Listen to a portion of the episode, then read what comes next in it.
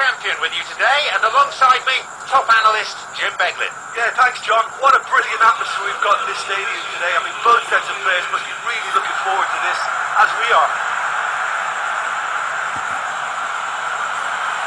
And here we have Juventus against Barcelona.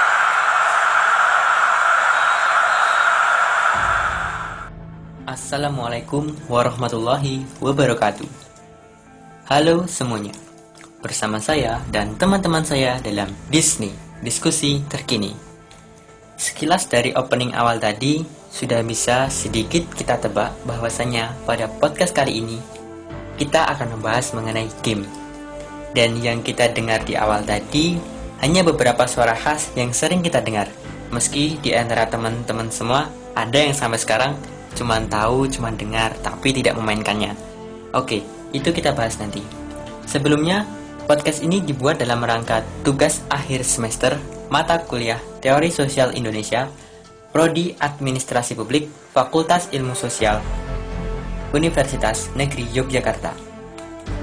Perkenalkan, nama saya Ibnu Irawan, NIM 19417141049. Dan dalam podcast ini, saya tidak sendiri, ada tiga rekan saya.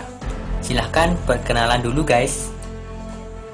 Nama saya Fauzan Dita Nurrahman dengan NIM 19417144005. Nama saya Nur Fatma Puspitasari, NIM 19417141055. Dan saya Yoga Pratama, NIM 19417141054. Oke, langsung saja kita masuk pada pembahasan. Kita akan membahas bersama-sama tentang bagaimana sih budaya populer itu muncul dan mengapa video games masuk di dalamnya. Mungkin dari teman-teman ada yang dapat menjelaskan sedikit mengenai apa sih budaya populer itu, terus kenapa video game saat ini kok bisa dikatakan sebagai budaya populer. Coba saya ke Mas Fauzan dulu untuk menjelaskan. Oke Mas Ibnu, sebelumnya terima kasih atas waktunya. Dalam sebuah jurnal yang pernah saya baca, menurut Story, budaya populer ini adalah sebuah budaya atau sebuah bentuk budaya yang digemari oleh banyak orang yang hanya menonjolkan nilai permukaan dan dibuat untuk memenuhi keinginan masyarakat secara komersil.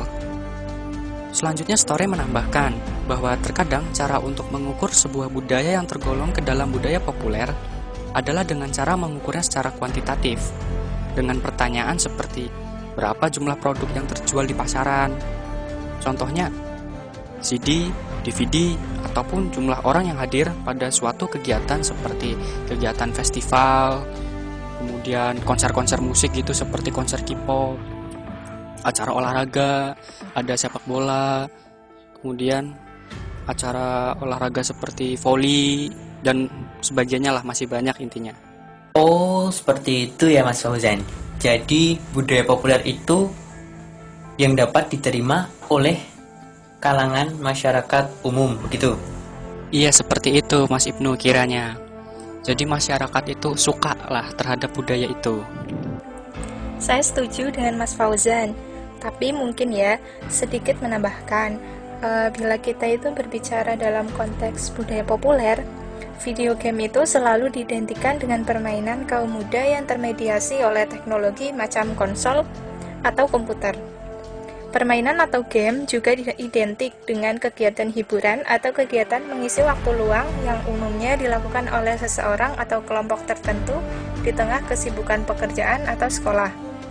Intinya itu, game kerap dianggap oleh masyarakat luas sebagai hal yang remeh-temeh dan tidak bernilai filosofis, bahkan berpotensi adiktif kepada anak-anak, bahkan juga kebanyakan orang tua itu dibuat cemas akibat game yang sering dimainkan melebihi jam belajar.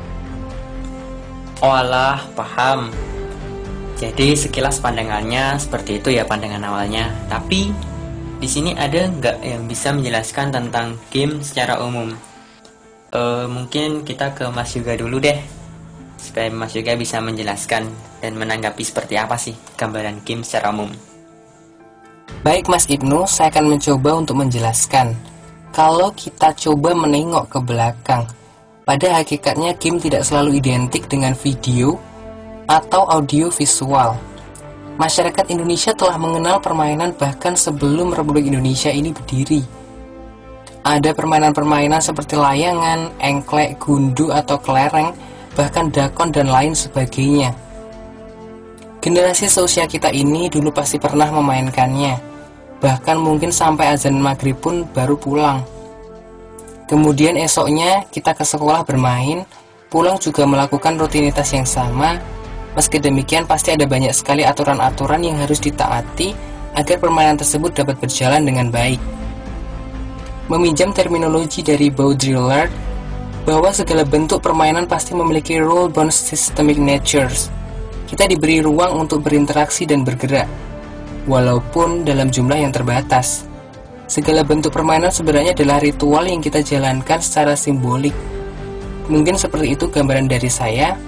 Mungkin ada yang mau menjelaskan bagaimana sih perkembangan video game di dunia sampai bisa ke Indonesia dan menjadi salah satu dari sekian budaya pop yang ada.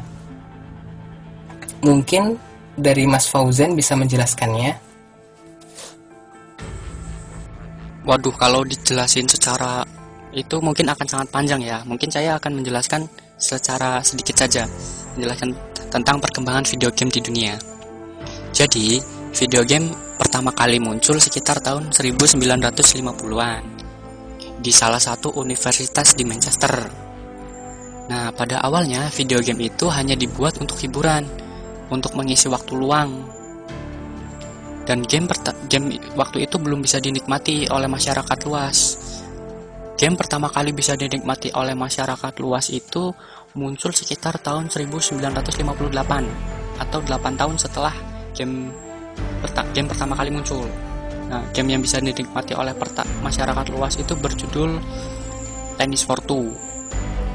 Game ini dirancang oleh William Higginbottom dan diciptakan untuk dimainkan di PC karena pada saat itu kita tahu lah ya belum ada smartphone belum ada PS belum ada PC eh PC udah ada ding. Belum ada PS dan PC pun pada waktu itu masih berbentuk tabung yang sangat besar sekali tidak seperti sekarang tipis-tipis. Saat itu game sudah ada warnanya atau belum kita tidak tahu. Mungkin mungkin masih hitam putih juga ya kayak TV-TV zaman dulu. Oke kembali ke sejarah perkembangan game. Setelah kemunculan video game Tennis for Two itu video game terus terus mengalami perkembangan yang bisa dibilang sangat pesat game-game dengan tema baru pun bermunculan dan alat untuk permainannya pun sudah mulai berkembang tidak hanya di PC saja Hal ini ditandai dengan kemunculan Nintendo Sega di Jepang pada tahun 1983 dan gambarnya masih 8 bit pada waktu itu, masih kotak-kotak. Kami semua belum lahir pada waktu di zaman itu. Kemunculan Nintendo Sega yang pertama kali ini kemudian diikuti oleh kemunculan konsol game-game lainnya dan terus mengalami perkembangan kualitas gambar ke 16 bit, 64 bit dan sampai sekarang udah nggak tahu sampai berapa bit lagi tuh. Kemudian memasuki awal 2000-an mulai muncul nih konsol-konsol game untuk nyaingin Sega yaitu PS yang dikeluarkan oleh Sony atau yang kita sebut dengan PlayStation. Mulai dari PS1, PS2, PS3, PS terus berkembang lah sampai saat ini katanya dikabarkan mulai muncul lagi si PS5. Selain itu pada tahun 2000-an game juga sudah mulai muncul juga di HP dan kalau nggak salah Sony juga yang mengeluarkan konsol game berbentuk HP yang kita kenal dengan PSP. Saya masih ingat dulu tuh pertama kali main game di HP Nokia yang layarnya masih kuning. Gamenya juga nggak banyak ya, ya paling game yang sangat legend dan sekarang terus berkembang juga ada yaitu game cacing atau kebanyakan orang menyebutnya begitu ya game cacing dulu bisa main game snack atau game cacing di HP rasanya udah senang banget lah Gak kayak sekarang main game cepet bosen, apalagi main game offline, yang mainnya sendirian gak rame-rame bareng teman. Ya mungkin itu sih sejarah singkat perkembangan video game, mulai dari game yang hanya bisa dimainkan sendiri, hingga berkembang saat ini game bisa dimainkan oleh banyak orang, rame-rame gitu kan, mabar. Anak-anak juga berubah, dulu main game itu hanya Dulu main game itu bareng-bareng, lari-larian, kejar-kejaran. Sekarang pada diem, nunduk, sambil teriak-teriak gak jelas. seperti itu sih jadi perkembangannya memang panjang ya Mas Fauzan iya benar panjang banget kayak lika-liku kehidupan Bisa aja Zan, Zan, haha. Tapi yang dikatakan Fauzan benar juga ya. Game itu membawa dampak ke kehidupan sosial masyarakat saat ini. Tapi aku mau tanya nih, bagaimana sih ceritanya game bisa diterima di semua kalangan? Mungkin Mas Ibnu bisa jelasin ke saya dan para pendengar? Kalau dari saya ya, bermain game online merupakan alternatif hiburan yang terbilang mudah didapat dan murah jika dibandingkan dengan moda hiburan lainnya. Bagi sebagian orang, bermain game awalnya dianggap sebagai rekreasi untuk menghibur diri. Bermain game dijadikan sarana hiburan yang cukup menimbulkan efek kesenangan dan efektif untuk melewatkan waktu luang yang ada. Karena ini, mungkin orang-orang bisa dengan mudah menerima atau menjadikan game sebagai pilihan. Game apa pun itu yang sekiranya pas. Bermain game secara online menggunakan internet digemari banyak kalangan, tidak hanya bagi anak-anak atau remaja, namun orang dewasa hingga lanjut usia. Lazim kita temukan saat ini anak-anak bermain game menggunakan ponsel pintarnya, juga remaja dan dewasa tidak hanya saat berada di rumah atau di ruang santai, tetapi juga di tempat umum seperti bis hingga di sekolah. Tapi lama-kelamaan berubah menjadi kecanduan sih kalau tidak bisa mengontrol diri. Seperti yang saya katakan tadi, apa yang kemudian membuat game menjadi begitu adiktif? Seperti halnya kecanduan lain, kecanduan main game adalah masalah yang multi aspek. Desainer video game selalu mencari cara untuk membuat game mereka lebih menarik dan orang betah berlama-lama memainkan game tersebut. Mereka ingin orang yang memainkan game tidak pernah ingin berhenti bermain. Sekiranya begitu Fatma dan rekan-rekan pendengar, bagaimana game bisa diterima banyak kalangan. Oh alah, begini tuh alasannya kenapa video game itu dapat diterima banyak kalangan dan bahkan bisa bikin kecanduan. Siap, siap, makin paham deh aku. Pasti paham dong. Kamu juga sering main game kan? Apalagi tuh Fauzan, pakar. Pakarnya game. Ya nggak, Jan? Enggak juga Mas Ibnullah. Kita main game itu sewajarnya saja. Tidak usah berlebihan, hanya untuk hiburan. Jadi kalau ingin main game ya main game, tapi tidak setiap tidak setiap waktu, setiap hari main game terus. Bentar guys, kalau gitu berarti di dalam game itu ada jenis-jenisnya ya? Dari kalian, ada yang tahu nggak jenis-jenis game itu apa aja? Soalnya saya mau tahu nih. Fauzan itu kayaknya paham masalah jenis-jenis game. Bisa dijelasin gak Yan? Aku juga mau tahu nih.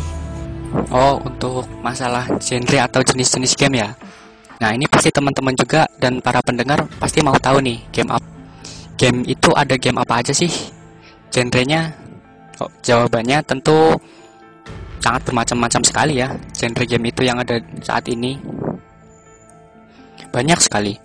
Mungkin di sini saya hanya akan menjelaskan secara singkat saja atau genre-genre yang sering kita mainkan saja ya.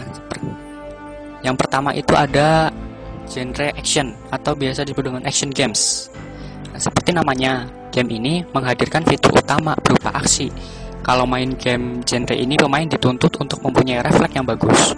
Kemudian ada fighting games. Nah, fighting fighting games ini hampir mirip dengan action games. Hanya saja fighting games ini dalam tampilannya hanya meng, hanya berisi perkelahian antara satu pemain dengan pemain yang lainnya. Banyak sekali lah contohnya Judul game genre ini seperti Mortal Kombat, WWE, SmackDown, Street Fighter, dan masih banyak lagi. Kemudian ada FPS atau First Person Shooter. Nah, game ini berisi tembak-tembakan, namun di sini kita akan memainkan peran dalam sudut pandang orang pertama. Jadi biasanya kita tidak bisa melihat karakter tokoh yang kita mainkan. Yang kita lihat itu hanya senjata yang kita pegang dan tangan biasanya dua tangan. Kemudian ada TPS atau third person shooter. Ini hampir sama dengan EPS, hanya saja sudut pandang yang kita mainkan di TPS ini menggunakan sudut pandang orang ketiga sehingga kita bisa melihat keseluruhan karakter atau tokoh yang kita perankan di dalam game di game itu, tidak seperti EPS yang kita hanya bisa melihat tangannya saja atau hanya senjatanya saja seperti itu. Kemudian ada real time strategi. Nah, pasti game ini membutuhkan strategi seperti namanya dan waktunya itu waktu yang digunakan waktu real, waktu yang nyata gitu. Contohnya ada COC, COC lah ya kita tahu banyak game terkenal itu pada masanya dan mungkin teman-teman juga pasti main COC. Kemudian selanjutnya ada RPG atau role play gaming. Eh, role playing game. Nah, itu. Kemudian ada adventure atau genre petualangan. Dan ada genre simulasi atau simulasi games. Nah, ini dibuat seperti di dunia nyata. Kita memerankan seperti kehidupan yang ada di dunia nyata gitu. Kita bisa memainkan berbagai peran dalam game simulasi ini. Bisa jadi wali kota, bisa jadi supir truk, bisa jadi petani. Banyak ya game-game yang bergenre simulasi ini. Kemudian ada sport game, game olahraga, game olahraga ada game bola, game volley, game basket. Kemudian ada racing game, genre racing game-game yang balapan nih yang suka balapan nih cocok nih main game ini nih daripada balapan liar gitu kan di dunia nyata mending main balapan di dunia game lebih aman lebih safe. Kemudian ada multiplayer game. Nah ini multiplayer game ini game yang sedang booming saat-saat inilah ya. Hampir semua anak muda memainkannya atau biasa ya yang lebih dikenal ini dengan game online kita tahu kan sekarang game online itu hampir semua anak muda bahkan beberapa orang dewasa juga memainkannya. Banyaklah game yang contohnya seperti ada Mobile Legend ada PUBG ada CODM ada FIFA Online 3 It Football dan masih banyak banget lah intinya. Ya itu sih merupakan genre-genre game yang saya ketahui yang dan yang paling populer saat ini. Mungkin teman-teman ada yang pernah punya pengalaman main game-game seperti itu. Sampai dimarahin emak gitu gara-gara main PS di rental PS pulangnya maghrib. Di rumah kebanyakan main HP terus gak belajar. Rebahan main HP sambil main game gitu. Ayo siapa ngaku? Fatma pasti. Enggak lah ya aku nggak pernah gitu haha. Ngomong-ngomong kalau bahas game kayak gini sebenarnya video main video game itu ada keuntungannya nggak sih? Atau hanya buat hiburan mengisi waktu luang gitu atau ada keuntungan atau dampak positif yang bisa kita ambil dari bermain video game ini? Mungkin ada yang bisa menjelaskan. Ada yang lain kok Zan, keuntungan bermain game selain hanya terpaku menjadi hiburan aja? Atau mungkin mau dijelasin keuntungan bagi pembuat game? Coba Fatma jelasin keuntungannya apa aja. Wah, kalau kayak gitu berarti main video game ini ada untungnya juga ya, nggak cuman menimbulkan dampak negatif gitu, keburukan, ya walaupun mainnya juga harus ingat waktu tentunya ya. Jangan terlalu berlebihan lah sewajarnya saja. Hampir semua orang punya game pada smartphone-nya kan ya? Pasti. Atau minimal pernah main baik yang online maupun yang offline. Tapi kalian kepo nggak sih keuntungan para developer game ini? Baik yang online maupun yang offline kalau yang online atau yang berbayar sih udah jelas dari mana developer gamenya dapat duit tapi kalau yang offline atau game gratisan, nah dia itu dapat duit dari mana kan ya? Aku aku sih udah ada jawabannya. Jadi, developer game gratisan itu dapat penghasilan dari iklan yang muncul pada saat kita main game tersebut. Iklan yang ditampilkan itu mulai dari gambar, link, dan juga video. Iklan-iklan itu memang mengganggu, tapi kalau pengen nggak diganggu, ya kita harus bayar game itu.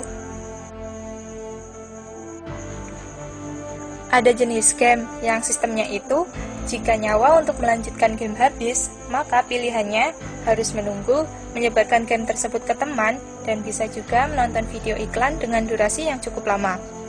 Ya, itu merupakan cara developer mempromosikan gamenya lebih luas lagi, karena semakin banyak yang mendownload game, maka semakin banyak pula yang menonton iklan. Jadi, keuntungan akan bertambah pada developer. Aku mau jelasin nih contoh game yang berhasil meraup banyak untung dan sempat booming di kalangan masyarakat luas. Yang pertama, ada game Flappy Bird. Dari segi grafis dan juga cara bermain, sebenarnya game Flappy Bird ini sangat sederhana.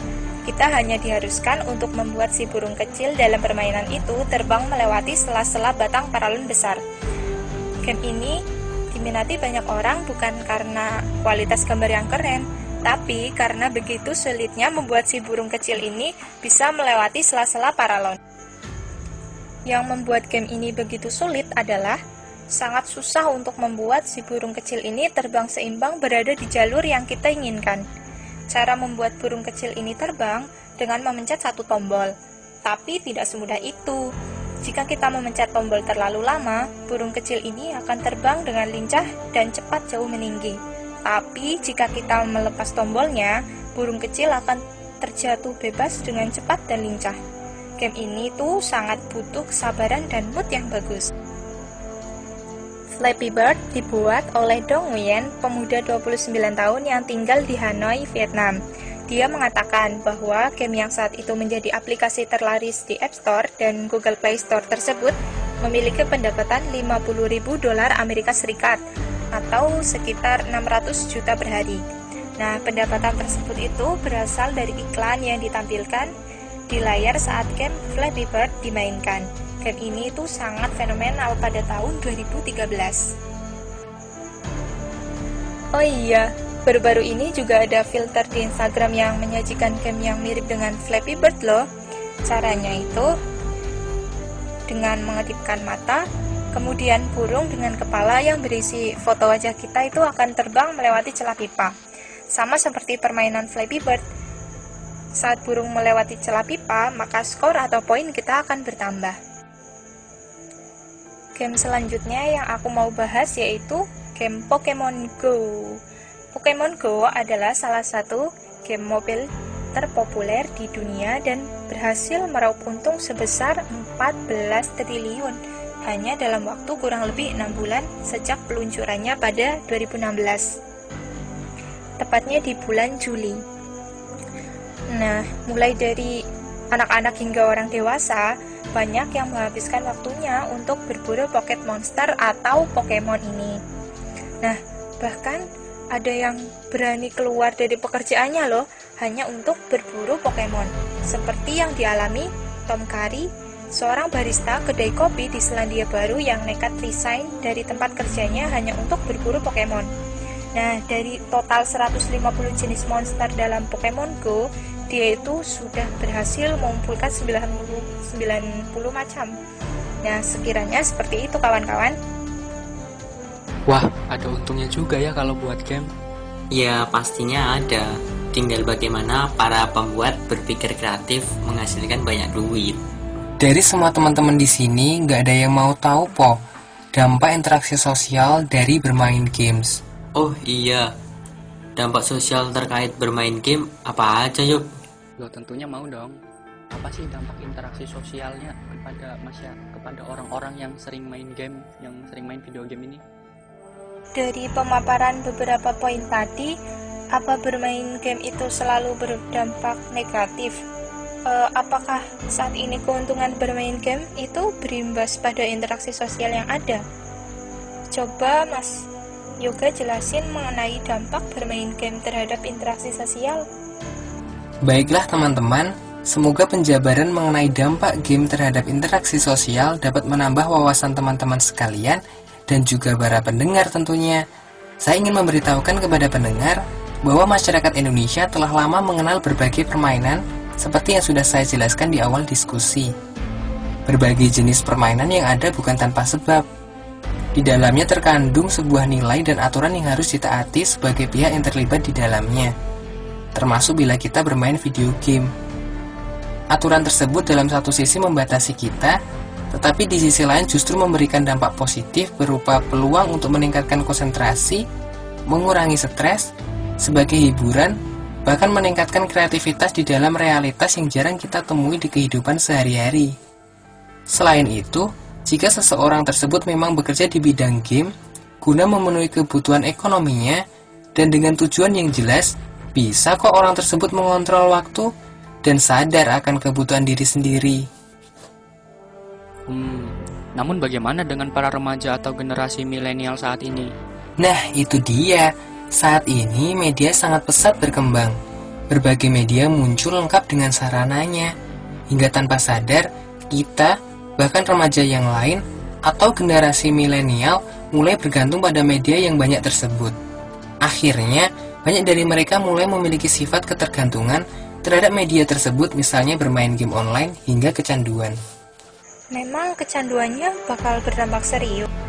Tentunya iya, kita terlahir di dunia sebagai makhluk sosial yang tidak lepas dari hasrat berkomunikasi atau bergaul dengan orang lain.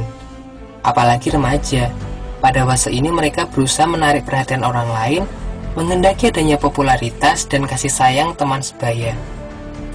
Remaja secara psikologis dan sosial berada dalam situasi yang peka dan kritis mereka terekspos dengan berbagai kegiatan sosialisasi, sekolah, hingga kegiatan yang membutuhkan kehadiran orang lain.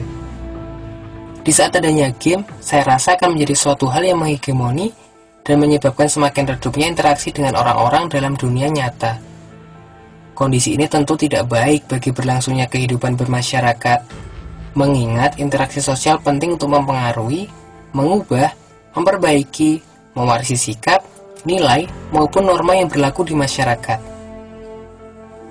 Bisa juga mereka menjadi antisosial, yang mana mereka merasa tidak membutuhkan lingkungan luar untuk memenuhi kebutuhan sehari-hari. Dan ngerinya, mereka para pecandu game rela menghabiskan banyak waktunya untuk bermain daripada berinteraksi dengan lingkungan luar. Loh sebentar, bukannya bermain game, terutama main game online itu juga ada interaksi sosialnya ya? Kita kan di dalam main game online pasti kadang-kadang kita bicara dengan teman yang di dalam game itu untuk mengatur strategi gitu misalnya kan. Pasti itu juga kan merupakan sebuah interaksi sosial. Itu bagaimana tuh tanggapannya tuh? Memang ada interaksi sosial di dalamnya cuman orientasi puncaknya ada di permainan itu sendiri lantas kita sebagai makhluk sosial Masa iya papa minta bantuan yang ada di dalam game? oh alah gitu. Coba deh yuk kamu jelasin dampak yang lainnya. Soalnya mungkin para pendengar ingin alasan yang lebih dari sekedar kurangnya interaksi. Dampak selain berkurang interaksi sebenarnya banyak.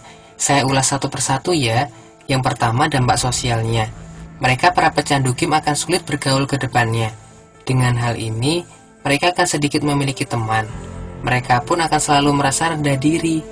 Dampak psikologisnya mereka mengalami tekanan perasaan, merasa dikucilkan, kurang berekspresi, serta tidak nyaman dengan lingkungan sosialnya. Eits, tidak hanya itu. Hubungan dengan teman, pacar, atau bahkan keluarga bisa jadi renggang karena waktu bersama mereka menjadi jauh berkurang. Akibatnya, akan terisolir dari teman dan lingkungan dunia nyata. Prestasi akademis pun juga cenderung bisa menurun akan hal ini.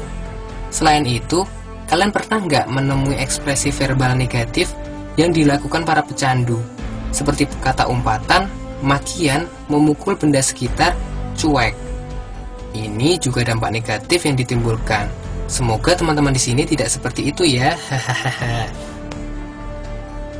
Wah, gitu ya. Ngeri juga dampaknya. Kalau sudah seperti ini, apa ada solusi menyelesaikannya? Ya pastinya ada lah, didukung dari internal diri sendiri dan eksternal dari orang lain. Di sisi internal dapat dikendalikan melalui aspek-aspek achievement, sosial, dan emotion. Aspek ini dapat dikontrol dengan cara membatasi waktu bermain game, mengalihkan kegiatan positif semisal berolahraga, seperti Mas Ibnu yang bermain takraw, mengaji seperti Mbak Fatmah, atau mengikuti organisasi di sekolah maupun di kampus seperti Mas Fauzan, mengikuti ekstrakurikuler, atau memperluas hubungan dengan orang lain, fleksibel, dan sebagainya. Oh gitu ya. Kalau menurut saya, orang tua juga bisa mengarahkan anaknya ke kegiatan yang positif untuk mengisi waktu luang dan membatasi anak dalam mengakses game yang berlebihan. Karena hal ini pula, masyarakat mengecap negatif keberadaan game dan menganggap remeh-temeh serta tidak bernilai filosofis, bahkan berpotensi adaptif itu tadi.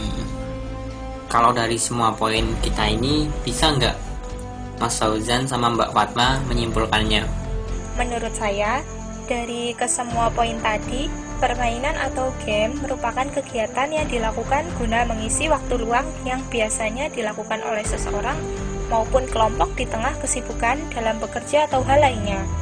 Saat ini, permainan yang sudah tersentuh teknologi digital atau biasa disebut game online sangat digandrungi oleh berbagai kalangan. Kemudahan mengakses game menggunakan smartphone, tablet, dan komputer membuat ketertarikan bagi semua orang untuk mencoba permainan tersebut. Nah, selain itu, dengan tampilan fitur yang menarik dan update-update yang dilakukan, itu selalu membuat publik tergiur. Selain itu juga tak apa kalau kita sebagai generasi milenial bermain game untuk sekedar mengisi waktu luang. Yang perlu dihindari adalah lupa waktu dan bermain game terlalu berlebihan sehingga tidak peduli pada lingkungan sekitar. Sesuai hukum alam, jika kita berbuat sesuatu, maka akan kebalik juga pada kita. Perbuatan acuh karena kecanduan game juga akan menjadikan kita tidak dipedulikan dan dikucilkan. Oh ya nih, masih ada satu pertanyaan yang harus kita jawab, yaitu mengapa sih publik harus mulai concern dengan hal ini? Jawabannya adalah karena saat ini game sudah bukan lagi menjadi sarana hiburan semata. Game sudah mempengaruhi kehidupan sosial masyarakat, terutama masyarakat kaula muda pergaulan kaula muda sudah mulai berubah. Yang dulunya mereka bergaul dengan teman-teman dan bermain di dunia nyata, namun kini mereka mulai banyak yang melupakan tentang kehidupan nyatanya dan mulai terlena dengan pergaulan dunia maya di dalam game. Selain itu, game juga bisa menjadi suatu lapangan pekerjaan baru bagi sebagian masyarakat seperti munculnya gamer-gamer profesional yang mampu menghasilkan ratusan juta bahkan sampai miliaran rupiah per bulan hanya dengan bermain game. Jadi, oleh karena itu, pemerintah atau publik harus mulai memperhatikan perkembangan dunia video game ini sehingga publik dapat mengambil sisi positif dari apa yang ada dalam video game agar perkembangan dalam video game yang terjadi saat ini bukan menjadi suatu ancaman tetapi menjadi suatu peluang yang bisa kita manfaatkan. Wah, keren sih ini.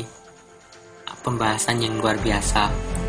Nggak nyangka juga, ternyata kalau kita diskusi gini seru juga. Apalagi topiknya tuh milenial banget, kayak game ini. Yang pasti nggak asing lagi bagi kalangan seperti kita. Mungkin buat teman-teman semua para pendengar, cukup sekian dulu ya pembahasan pada kali ini. Saya mewakili teman-teman di sini, mohon maaf apabila banyak tutur kata yang kurang berkenan. Kurang lebihnya kami mohon maaf. Akhir kata, saya Ibnu Irawan. Saya Fauzan Ditanur Rahman. Saya juga Pratama. Dan saya Nur Fatma Puspitasari. Pamit undur diri. Wassalamualaikum warahmatullahi wabarakatuh.